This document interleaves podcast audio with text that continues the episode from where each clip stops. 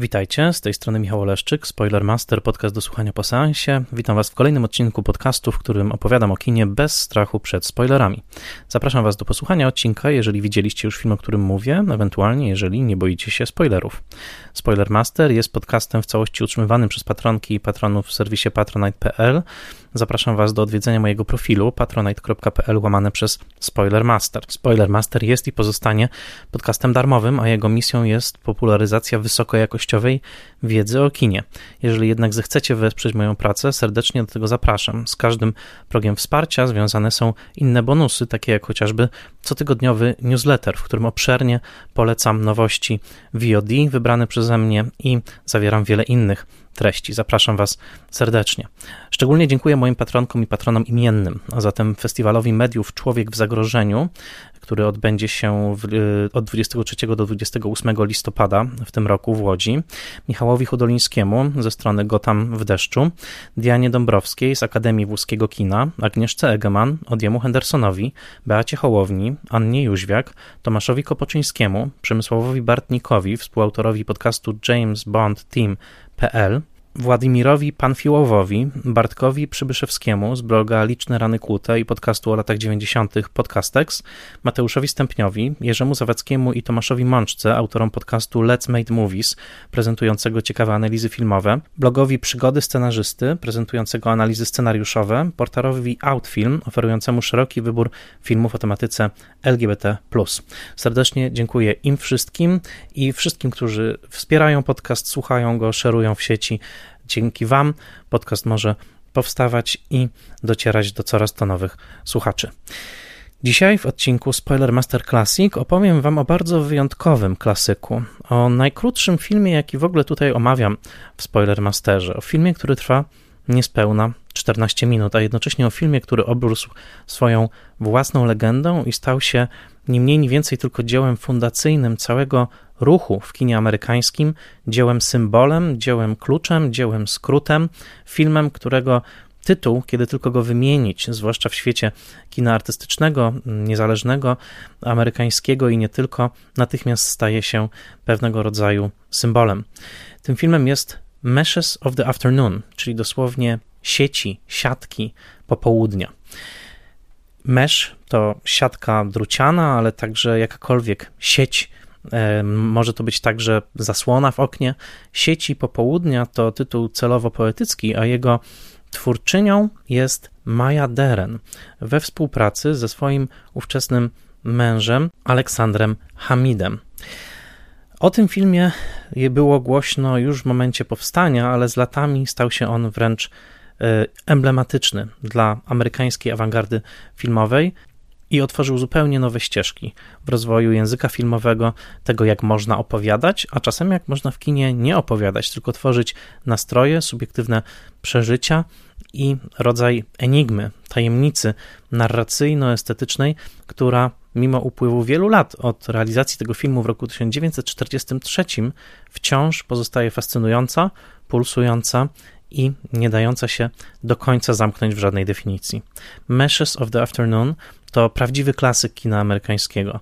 To film, który otworzył niezliczoną ilość głów, który rozpalił niezliczoną ilość wyobraźni i którego ślady możemy odnaleźć w tak różnych miejscach, jak chociażby twórczość Davida Lyncha na czele z Zagubioną Autostradą czy Mulholland Drive, ale także Inland Empire oraz w kulturze popularnej, jak chociażby w teledysku Mili Jowowicz do piosenki Gentleman Who Fell z 1994 roku, która cała jest przetworzeniem motywów wizualnych, jakie Maya Deren i Aleksander Hamid zawarli w filmie Meshes of the Afternoon. Dzisiaj opowiem Wam o tej niezwykłej postaci, jaką była Maya Deren.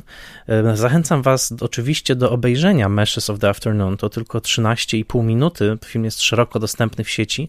E, I zachęcam Was do tego, żebyście zgłębiali świat filmowej awangardy. Ja w Spoilermasterze jeszcze nigdy nie opowiadałem o twórcach awangardowych. Mam nadzieję zacząć to robić częściej, ponieważ jest to całkowicie inna kraina kina, całkowicie inny zakątek kina, w którym eksperymentatorzy, wizjonerzy i wizjonerki od ponad 100 lat ciągle znajdują się na krawędzi odkrywania czegoś nowego, eksperymentują, czasami głęboko się mylą, czasami mylą się fascynująco, czasami trafiają w samosedno. Filmowa awangarda to wszystko to, co już w dekadę czy parę dekad później znajduje się w kinie głównego nurtu, ale bardzo dobrze jest znać źródła i przede wszystkim dobrze znać tych twórców, którzy często całym swoim życiem, całą energią e, działali na krawędzi tego, co w kinie jest możliwe i proponowali nowe wersje filmowego języka. Takim kimś zdecydowanie była Maja Deren przygotowaniu do odcinka, jak zawsze, pomogły mi źródła. Tym razem korzystałem z książki Sary Keller pod tytułem Maya Deren Incomplete Control, poświęconej wszystkim filmom Mai Deren, ale szczególnie tym nieukończonym. Korzystałem z książki Johna Davida Rhodesa z serii BFI Film Classics pod tytułem Meshes of the Afternoon, z książki samej Mai Deren pod tytułem Bogowie haitańskiego wudu w przekładzie Małgorzaty Wiśniewskiej i Zbigniewa Zagajewskiego ta książka została wydana w Krakowie w 2000 roku w wydawnictwie A. Po polsku najwięcej o Mai Deren można przeczytać w wydanej niedawno książce pod redakcją Łukasza Rondudy i Gabrieli Sitek pod tytułem Historię filmu awangardowego od dadaizmu do postinternetu.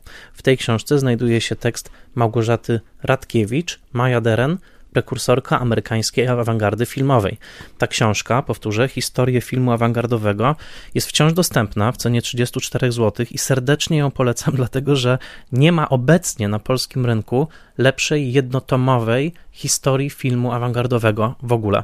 Także bardzo serdecznie polecam, bo, bo to jedynego, jedyna tego rodzaju publikacja obecnie dostępna e, i, i, i naprawdę jest tutaj taka pigułka wiedzy o podstawowych e, kierunkach twórcach e, awangardy filmowej, także serdecznie, serdecznie polecam. Maja Deren przyszła na świat w roku 1917. E, w Kijowie urodziła się jako Eleonora Derenkowska. Urodziła się dokładnie 29 kwietnia, czyli w przededniu rewolucji październikowej roku 1917, rewolucji, która miała odmienić nie tylko całą Rosję, ale tak naprawdę losy całego świata. Rodzina Drenkowskich była rodziną żydowską, inteligencką. Ojciec e, Mai, wówczas jeszcze Eleonory, był psychologiem i dosyć szybko, kiedy mm, Eleonora była małą dziewczynką w roku 1922, rodzina wyemigrowała do Stanów Zjednoczonych. Osiedlili się w stanie Nowy Jork. Ojciec był szefem kliniki e, psychiatrycznej w miejscowości Syracuse i pierwsze lata życia, e, już takiego bardziej świadomego, Eleonora spędza w Stanach Zjednoczonych. E, szybko stają się także naturalizowanymi obywatelami Stanów Zjednoczonych, czyli o Mai Deren możemy mówić jako o Amerykance ukraińskiego e, pochodzenia.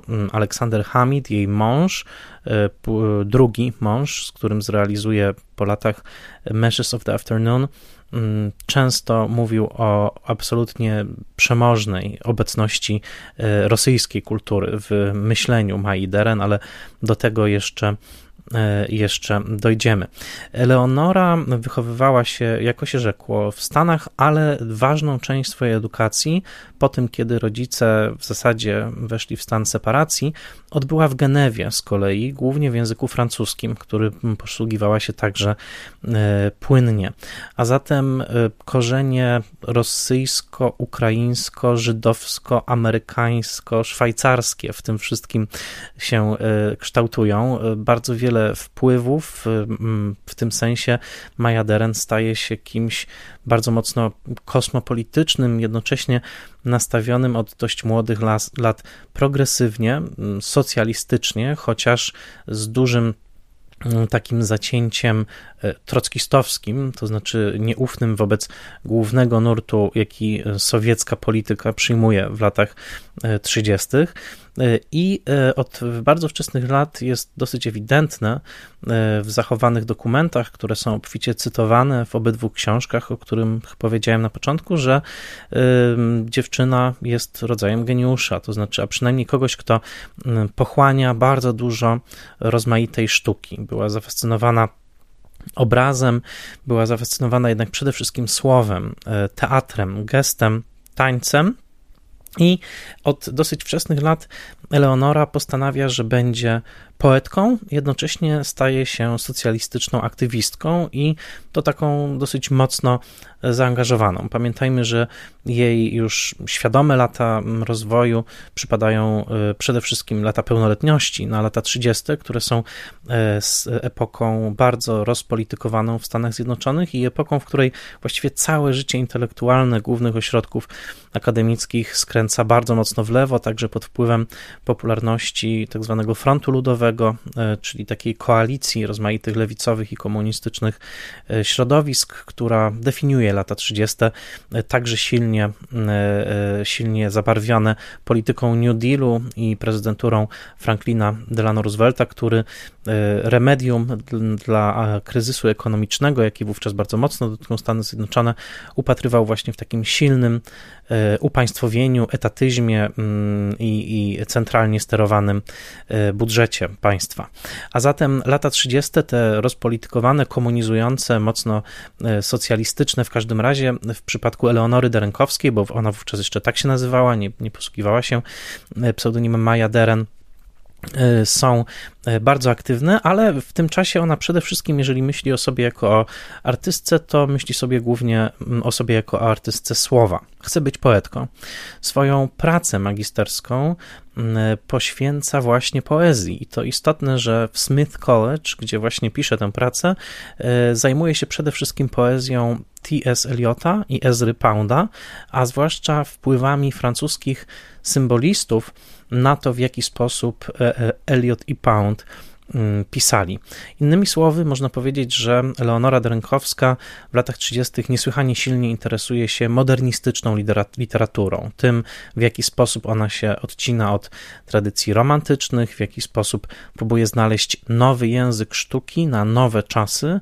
To przekonanie o tym, że właśnie nastąpiła nowa epoka, która domaga się nowego języka artystycznego, bezpośredniego, niezapośredniczonego w mm, ideologiach i religiach przeszłości przeszłości, a jednocześnie za sprawą przede wszystkim Eliota, Eleonora bardzo świadoma tego, że każdy poeta, każdy artysta staje się poetą i artystą w pewnym dialogu z tradycją, z tym, co było wcześniej, ale staje się nim tylko, jeżeli potrafi w jakiś oryginalny i nowy sposób przetworzyć te różne wpływy. To wszystko sprawia, że Eleonora bardzo silnie e, zaczyna działać właśnie na tym polu e, poetyckim, literackim, staje się między innymi redaktorką e, i, i, tłumaczką, ponieważ tłumaczy wówczas nigdy nie opublikowany swoją drogą. Przygotowuje przekład pisarza Wiktora Serża, który później będzie bardzo popularny, zwłaszcza w ostatnich 20 latach. Jego powieści opisujące tuż przed i tuż po rewolucyjną Rosję obrosły swoistym kultem, zwłaszcza w Stanach Zjednoczonych. A zatem mm, ta jej praca redakcyjna, tłumaczeniowa, ale także w pewnym sensie sekretarska, dlatego że ona pracowała jako mm, sekretarka, pomocniczka mm, rozmaitych intelektualistów na czele z Maxem Jacobsonem, który po latach będzie między innymi lekarzem Johna F. Kennedy'ego, y, sprawiła, że y, te lata 30. upływają jednak przede wszystkim pod znakiem jej politycznych zaangażowań. Najistotniejsze są w życiu Eleonory Derenkowskiej spotkania z twórcami, którzy faktycznie na nią wpłynęli i którzy jakoś przekierowali jej myślenie. Y, dwie osoby są tutaj przede wszystkim istotne i je należy wymienić, ponieważ gdyby nie spotkanie tych dwóch osób, to trudno powiedzieć, czy byśmy obcowali właśnie z taką twórczością Mai Deren, jaką mamy w postaci filmu Meshes After, uh, of the Afternoon. A zatem po pierwsze, uh, Catherine Dunham, to jest e, moment, e, w którym e, Catherine Dunham, którą Deren poznaje w roku 1941, a zatem ma wówczas 24 lata. Catherine Dunham była tancerką, ale także choreografką mm, i antropologiem, która bardzo silnie interesowała się mm, mm, wpływami kultury afroamerykańskiej w Stanach sama zresztą była Afroamerykanką i postać Katrin Dunham to jest niebywale ważna postać dla kultury afroamerykańskiej, dlatego że ona starała się, wykorzystując właśnie wiedzę historyczną, antropologiczną, ale jednocześnie wykorzystując y, swoją osobowość jako artystki, jako tancerki, choreografki, przetwarzać świadomość dzisiaj byśmy powiedzieli ludową, taką folkową, właśnie e, w Stanach Zjednoczonych odnośnie e, Afroamerykanów. I takim dziełem, które niesłychanie wpłynęło na późniejsze reprezentacje i było swoistą małą rewolucją, w którym Katrin Dunham odegrała bardzo dużą rolę, był musical broadwayowski, który Maya Deren, właściwie Eleonora, wciąż powinienem jeszcze mówić Eleonora, bo ona jeszcze wówczas nie zmieniła E, imienia i nazwiska. E, otóż Eleonora Drenkowska obejrzała musical broadwayowski pod tytułem Chatka w niebie, Cabin in the Sky. I to był moment przełomowy. Mm, ten musical swoją drogą w 1943 roku zostanie zrealizowany jako bardzo piękny film w reżyserii e, Vincenta Minellego mm, jako tak zwany all-colored musical, to znaczy musical z całkowicie czarnoskórą obsadą. Otóż Chatka w niebie była rodzajem takiego przetworzenia właśnie motywów ludowych z kultury afroamerykańskiej w Stanach e, w nową formę artystyczną, właśnie takiego musicalu opowiedzianego wyłącznie czarnymi głosami, z choreografią, z tańcem, ze słowami, które były nasycone mm, slangiem afroamerykańskim. E, chodziło o wytworzenie takiej nowej formy. Wcześniej próbował to robić chociażby George Gershwin w operze Porgy and Bess, ale tutaj właśnie z dużym udziałem Catherine Dunham Cabin in the Sky, nawiązujące też do tytułu powieści Harriet Beecher Stowe Chata wuja Toma, tutaj Cabin in the Sky, chatka w niebie, było, było rodzajem właśnie próby wypracowania popularnego języka, a jednocześnie nowego, w którym ta e, ludowa obecność e, czarnoskórych Amerykanów mogłaby uzyskać nowy wymiar także w mainstreamie. I taniec, ruch, muzyka e, były integralną częścią tego projektu. Eleonora była zafascynowana tym, e, tą próbą, e, dostrzegała jej rzeczywiście modernistyczny potencjał i napisała do Katrin Dunham, że chciałaby ją poznać. Zaowocowało to kilkoma latami współpracy. Eleonora Derenkowska była rodzajem asystentki Katrin Dunham, ale także jej kreatywnej partnerki i razem z nią y, działała w Hollywood. Przeniosła się na zachodnie wybrzeże i tam działała, pomaga, pomagała Katrin Dunham między innymi y, na przełomie roku 42-3, kiedy to Katrin Dunham występowała w filmie w reżyserii Andrew L. Stone'a, jednym z najważniejszych afroamerykańskich musicali pod tytułem Stormy Weather, ten słynny standard, tak, śpiewany między innymi przez Ella Fitzgerald. E, w który powstał właśnie w 1943 roku. Maja Deren, czy Eleonora, Eleonora była na planie tego filmu, e, pomagała, po prostu asystowała e, Catherine Dunham na, na rozmaite sposoby. I jest to o tyle interesujące, swoją drogą polecam Stormy Weather, bo jest tam jedna z najsłynniejszych sekwencji tanecznych w ogóle w historii amerykańskiego kina. Bracia Nicholas wykonują niesłychanie brawurowy E, taniec z licznymi szpagatami. E, bardzo, bardzo taki klasyczny fragment tego filmu.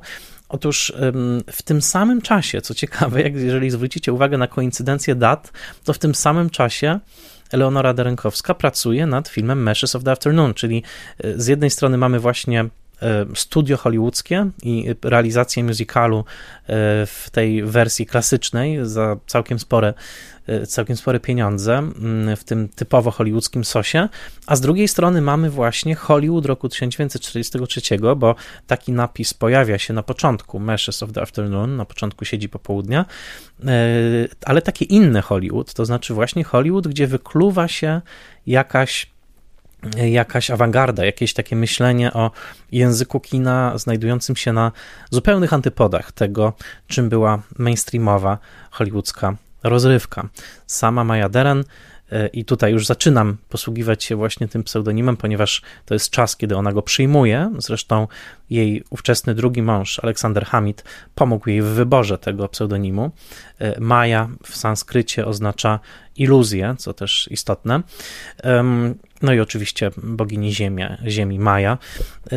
Otóż Maja Deren wówczas zwraca się do swojego męża, z którym mieszkała właśnie w Hollywood, na, w Laurel Canyon, w takim typowym budynku typu bungalow, który bardzo się kojarzy właśnie z tą mm, inspirowaną e, jeszcze hiszpańskimi wpływami, kalifornijską architekturą, którą możecie zobaczyć między innymi w Dniu Szarańczy Johna Schlesingera, czy nawet Malholland Drive e, Davida Lyncha. Otóż w takim właśnie domku sobie wtedy mieszkali i któregoś dnia Maja Deren, która wówczas bardzo intensywnie też jeszcze wciąż próbowała być poetką, ale mm, zaproponowała Aleksandrowi Hamidowi nakręcenie filmu. Powiedziała dosłownie któregoś dnia: Kochanie, zróbmy film.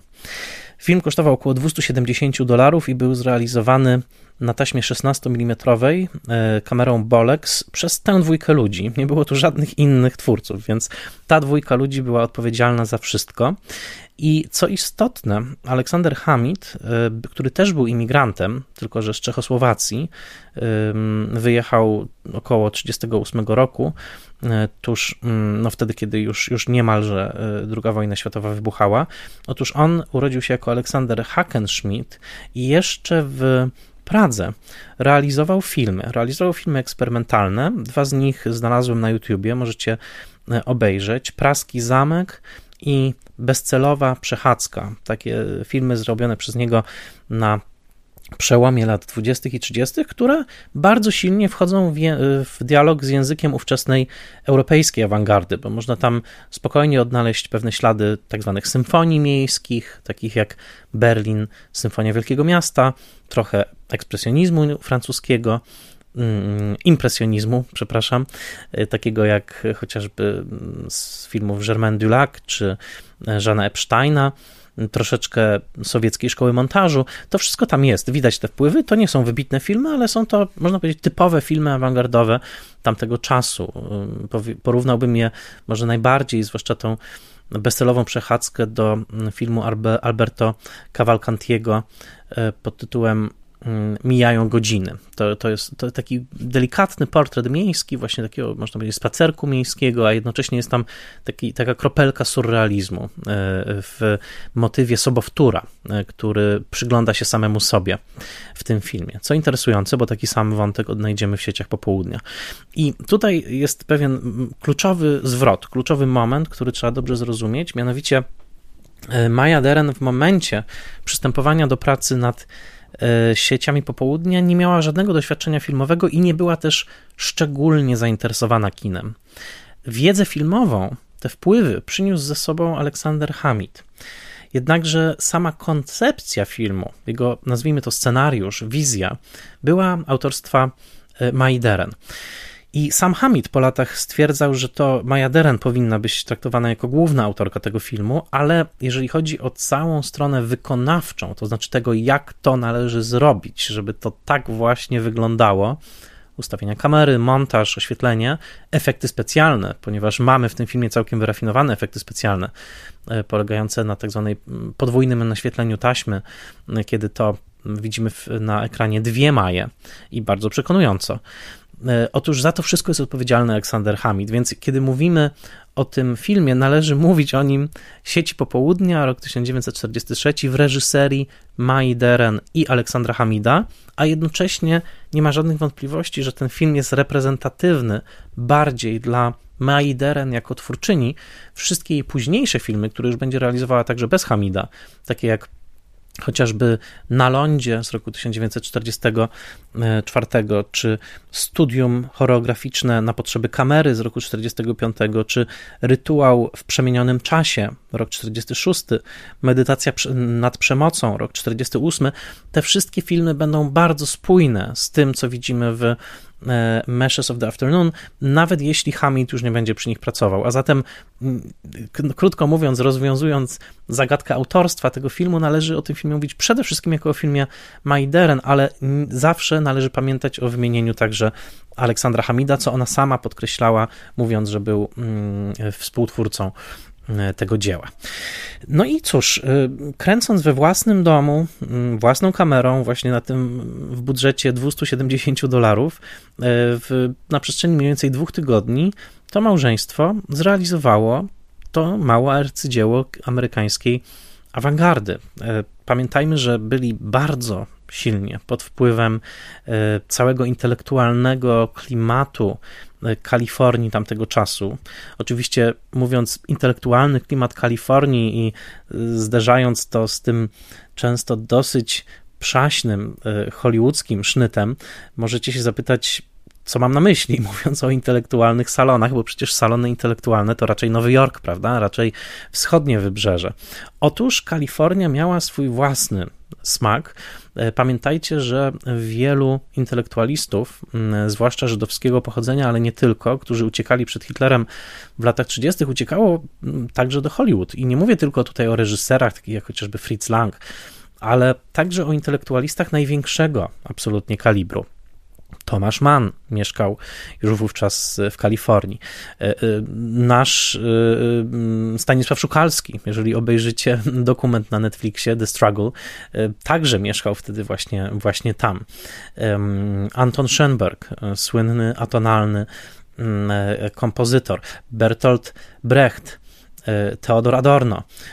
Ci wszyscy ludzie właśnie gromadzili się w Kalifornii i do tego stopnia, mimo że Kalifornia była często uznawana za taką ziemię niczyją, jeżeli chodzi o życie intelektualne i dorastająca tam w tym samym mniej więcej czasie młoda dziewczyna Susan Zontag bardzo nad tym ubolewała, ale jednocześnie było to miejsce, w którym w książce telefonicznej można było odnaleźć Tomasza Mana, pojechać, do, zapukać do jego drzwi i z nim porozmawiać. Dokładnie to zrobiła zresztą nastoletnia Susan Zontag ze swoją ze swoim kolegą, e, znaleźli nazwisko Mana w książce telefonicznej, pojechali do niego i odbyli z nim popołudniową pogawędkę.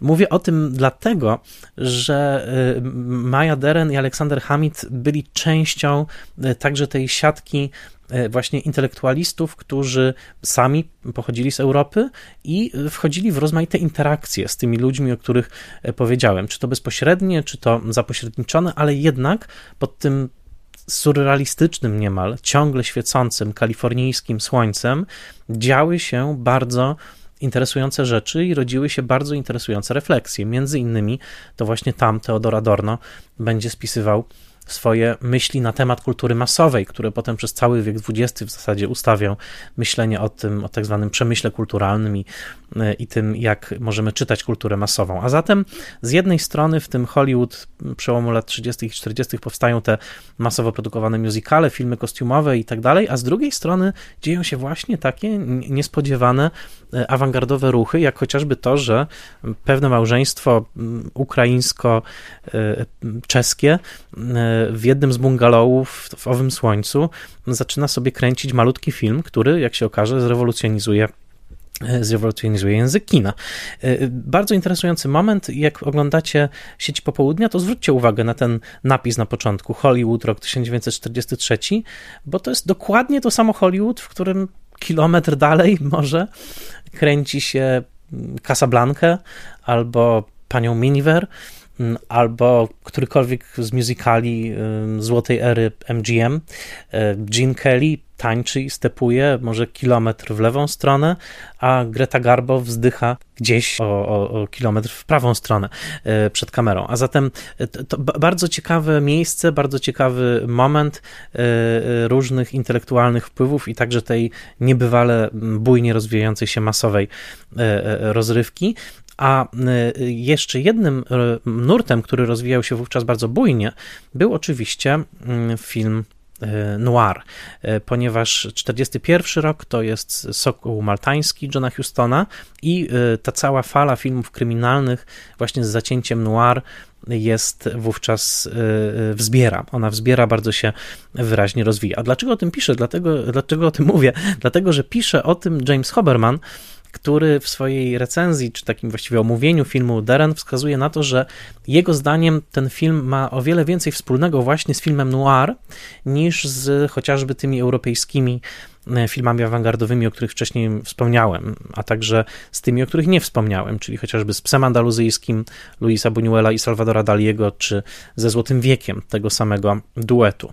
Hoberman mówi, że właśnie ta architektura Los Angeles, e, to, to, to typowy salon właśnie, e, e, jaki widzimy w tym, w tym budynku, jaki ta scenografia, te meble, ta pewna atmosfera tajemnicy, właśnie dziwnej, zakapturzonej postaci, że to wszystko wygląda trochę tak, jakbyśmy byli w świecie filmu noir. I rzeczywiście tak jest.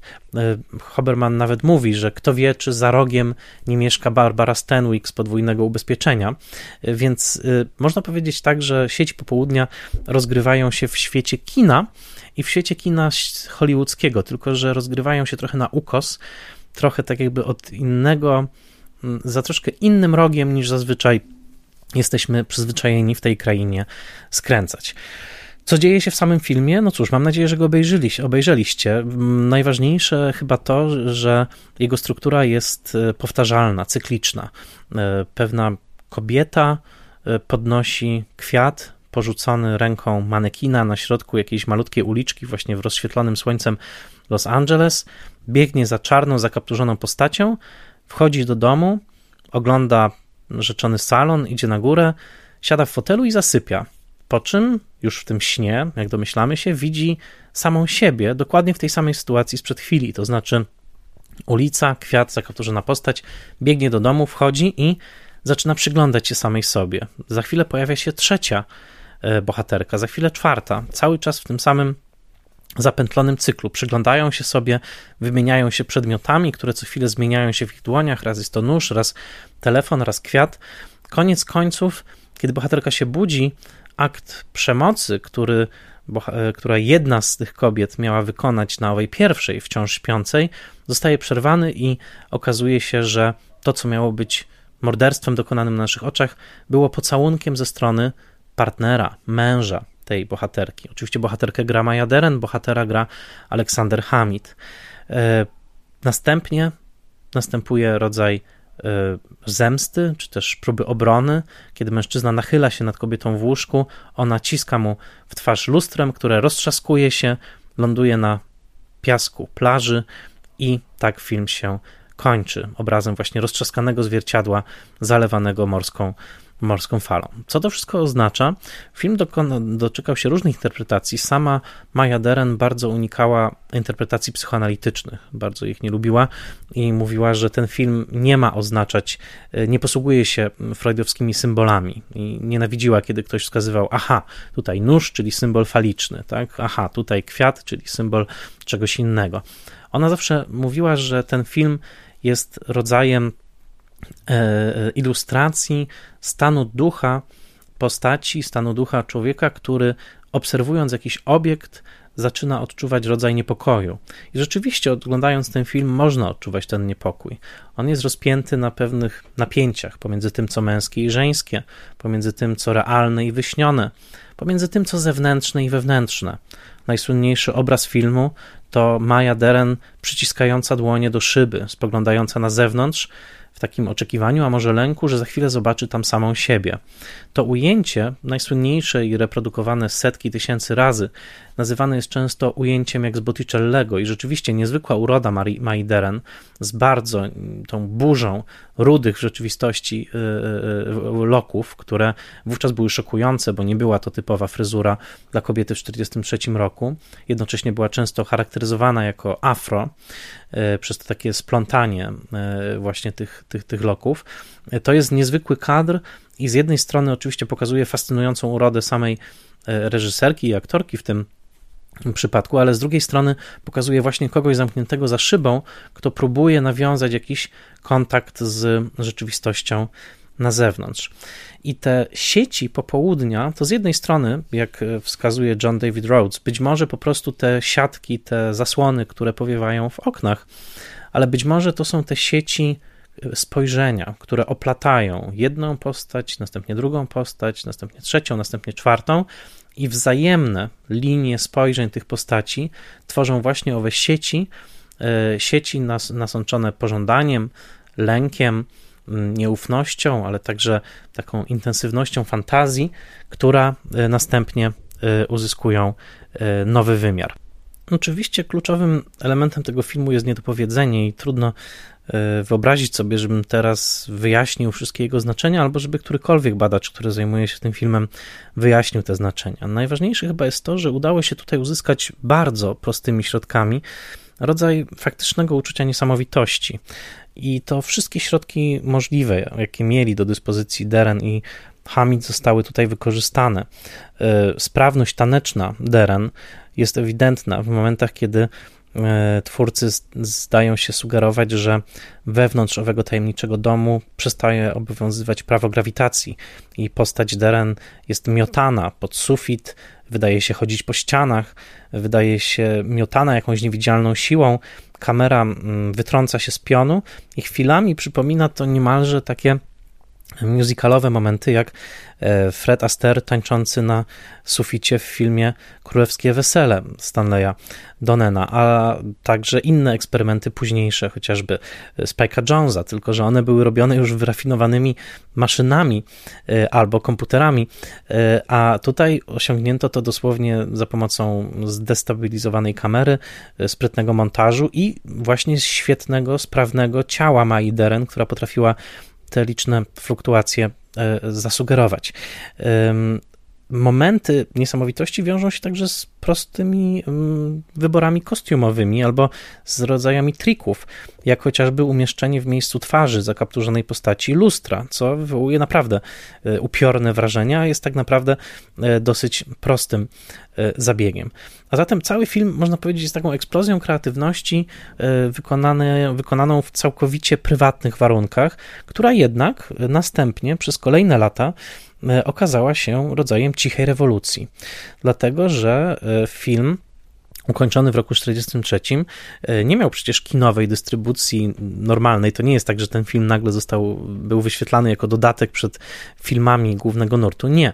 Dystrybucją musieli zająć się sami twórcy i tutaj e, bardzo silnie wchodzi właśnie Maja Deren jako e, przedsiębiorczyni, jako właściwie dystrybutorka własnych dzieł, bardzo uparta, bardzo sprytna i bardzo inteligentna. Ona była nie tylko pionierską reżyserką, ale także pionierską dystrybutorką, albowiem przez następne lata E, już po, także po rozstaniu z Hamidem i po przeniesieniu się do Nowego Jorku, gdzie już będzie w zasadzie mieszkać później przez większość, e, przez większość życia na Barrow Street, e, ona organizowała kolejne pokazy, kolejne wykłady, na których nawoływała do konieczności tworzenia kina osobistego, kina awangardowego, głównie na kampusach uniwersyteckich, ale także w lokalnych E, społecznościach artystów, właśnie w takich miejscach, w których spotykała się Bohema.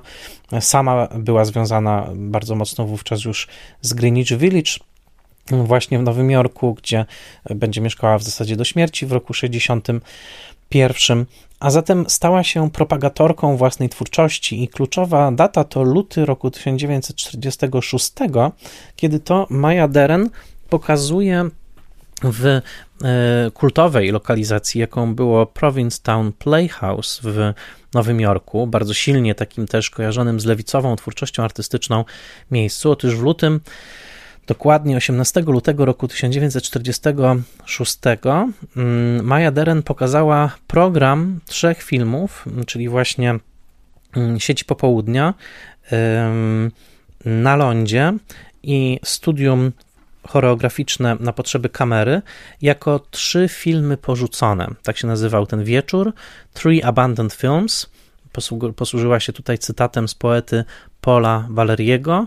Ten cytat powiada, że dzieło sztuki nigdy nie jest ukończone, zawsze jest porzucone i pokazała właśnie te porzucone filmy y, pod tytułem Three Abandoned Films, włącznie ze swoim wykładem i to był niesamowity sukces, także finansowy, właśnie ponieważ w Nowym Jorku było dużo ludzi zainteresowanych, zwłaszcza w Greenwich Village, y, taką awangardową twórczością. I można powiedzieć, że od tego czasu Maya Deren zaczęła budować własną legendę. Sukces tych wieczorów zainspirował jednego z kluczowych organizatorów życia awangardowego filmowego w Nowym Jorku, czyli Amosa Fogela, do tego, żeby stworzyć taką instytucję, jaką było Cinema 16, legendarną instytucję, która później przez wiele dekad pokazywała właśnie filmy awangardowe. Sama Maja Deren założyła wkrótce non-profitową organizację poświęconą właśnie filmowi eksperymentalnemu, która będzie funkcjonowała przez całe jej późniejsze życie. A zatem mamy do czynienia tutaj z, mm, powtórzmy fakty, z bardzo dynamiczną kobietą, imigrantką, wychowaną w takim wielokulturowym tyglu od Kijowa do Nowego Jorku poprzez Genewę, która odnajduje w dużej mierze dzięki y, Hamidowi, bo ona to zawsze podkreślała, że to skierowanie jej na tory filmowe było właśnie dziełem Hamida, ale odnajduje błyskawicznie nie tylko swój własny język, ale odnajduje takie biznesowe modus operandi, które sprawia, że ona zaczyna całkiem nieźle funkcjonować, także finansowo i y, sama w sposób niestrudzony, niemalże jak taka praca u podstaw, co jeszcze być może wyniosła z tych nawyków partyjnych z lat 30., gdzie była bardzo zaangażowaną aktywistką, ona staje się aktywistką filmu awangardowego i przez całe lata 40. propaguje właśnie filmy awangardowe i jak zerkniecie na jej późniejsze filmy, one są bardzo łatwe do odnalezienia, chociażby właśnie Ed Land, czyli Na lądzie, to zobaczycie, że ona później rozwija te wątki, które pojawiły się w sieciach popołudnia. Przede wszystkim jej ulubionym chwytem jest taka zabawa montażowa, w której postać wychodzi z kadru jeszcze znajdując się w jednym świecie, a następnie wchodzi w kolejny kadr, który już jest innym światem. Na przykład bohaterka budzi się na plaży w filmie Na lądzie, e, po czym zaczyna się wspinać po takiej wielkiej wyrzuconej na ląd kłodzie i kończy tą wspinaczkę już na bankietowym stole i czołga się wzdłuż tego stołu, mijając kolejnych wystrojonych gości, tak jakby ten stół był tym pniem, albo tak jakby stół i sala bankietowa były połączone z plażą. Ten sam chwyt widoczny jest już w sieciach popołudnia, kiedy to bohaterka, jedna z owych sobowtórek, wyposażona w niezwykłe, niepokojące, e, błyszczące okulary, zaczyna biec z nożem w stronę śpiącej bohaterki i biegnąc w jej stronę, przecina nie tylko cały pokój, ale także biegnie przez plażę, biegnie przez jakieś ostępy leśne i dopiero kończy swój bieg z powrotem w pokoju. Wszystko za pomocą właśnie montażu, który sprawia, że przestrzeń wokół bohaterki wydaje się cały czas zmieniać, morfować, mutować. To jeden z ulubionych efektów Deren, także eksplorowany w jej późniejszych filmach. Najważniejszy zwrot jednak który zaowocuje no, nowym rozdziałem w życiu i twórczości Deren, to jest jej fascynacja kulturą Haiti. W roku 1947 ona zacznie poważne badania na temat haiteńskiego voodoo i dostanie także grant Guggenheima, zresztą pierwszy grant, jaki został przyznany w ogóle mm, za działania filmowe i w dużej mierze wyda mm, pieniądze z tego grantu właśnie na podróż na Haiti, na filmowanie mm, rytuałów voodoo i napisanie książki, zresztą z inspiracji Josepha Campbella, e, twórcy bohatera o tysiącu twarzy, tu e, książki pod tytułem Bogowie haiteńskiego voodoo, wydanej po polsku, która do dzisiaj uchodzi za jedną z najlepszych książek na ten temat. Maja Deren bardzo głęboko wejdzie właśnie w tematykę voodoo. Materiały, które ona nakręciła do owego filmu haiteńskiego, zostaną zmontowane dopiero po wielu latach, już po jej śmierci w roku 85, w taki roboczy materiał pod tytułem Divine Horseman, czyli boscy jeźdźcy. To zresztą jest oryginalny tytuł tej książki też, tylko że on nie ostał się w polskim tłumaczeniu. E, który no, jest zapisem etnograficznym w zasadzie owego haiteńskiego wudu, tych rytuałów, w których Maję Deren najbardziej interesowało takie zatracenie się jednostki w czymś większym niż ona sama i e, ona nie tylko dokumentowała to wudu, ona brała udział w tych rytuałach i bardzo mocno zaczęła w nie także wierzyć. E, w swoim nowojorskim mieszkaniu na Barrow Street organizowała także tego rodzaju spotkania, tego rodzaju rytuały, między innymi takie jakby bankiety czy imprezy na, część, na cześć tych bóstw, także bóstw śmierci haitańskich i istnieje y, taki, taki przesąd, czy taka interpretacja jej przedwczesnej śmierci, bo, bo ona przecież umarła w wieku lat 44, z niedożywienia, y, że, że y, to właśnie to jej zainteresowanie wódu wprowadziło ją w jakieś takie stany, które zaowocowały właśnie tym chudnięciem i, i, i przedwczesną śmiercią.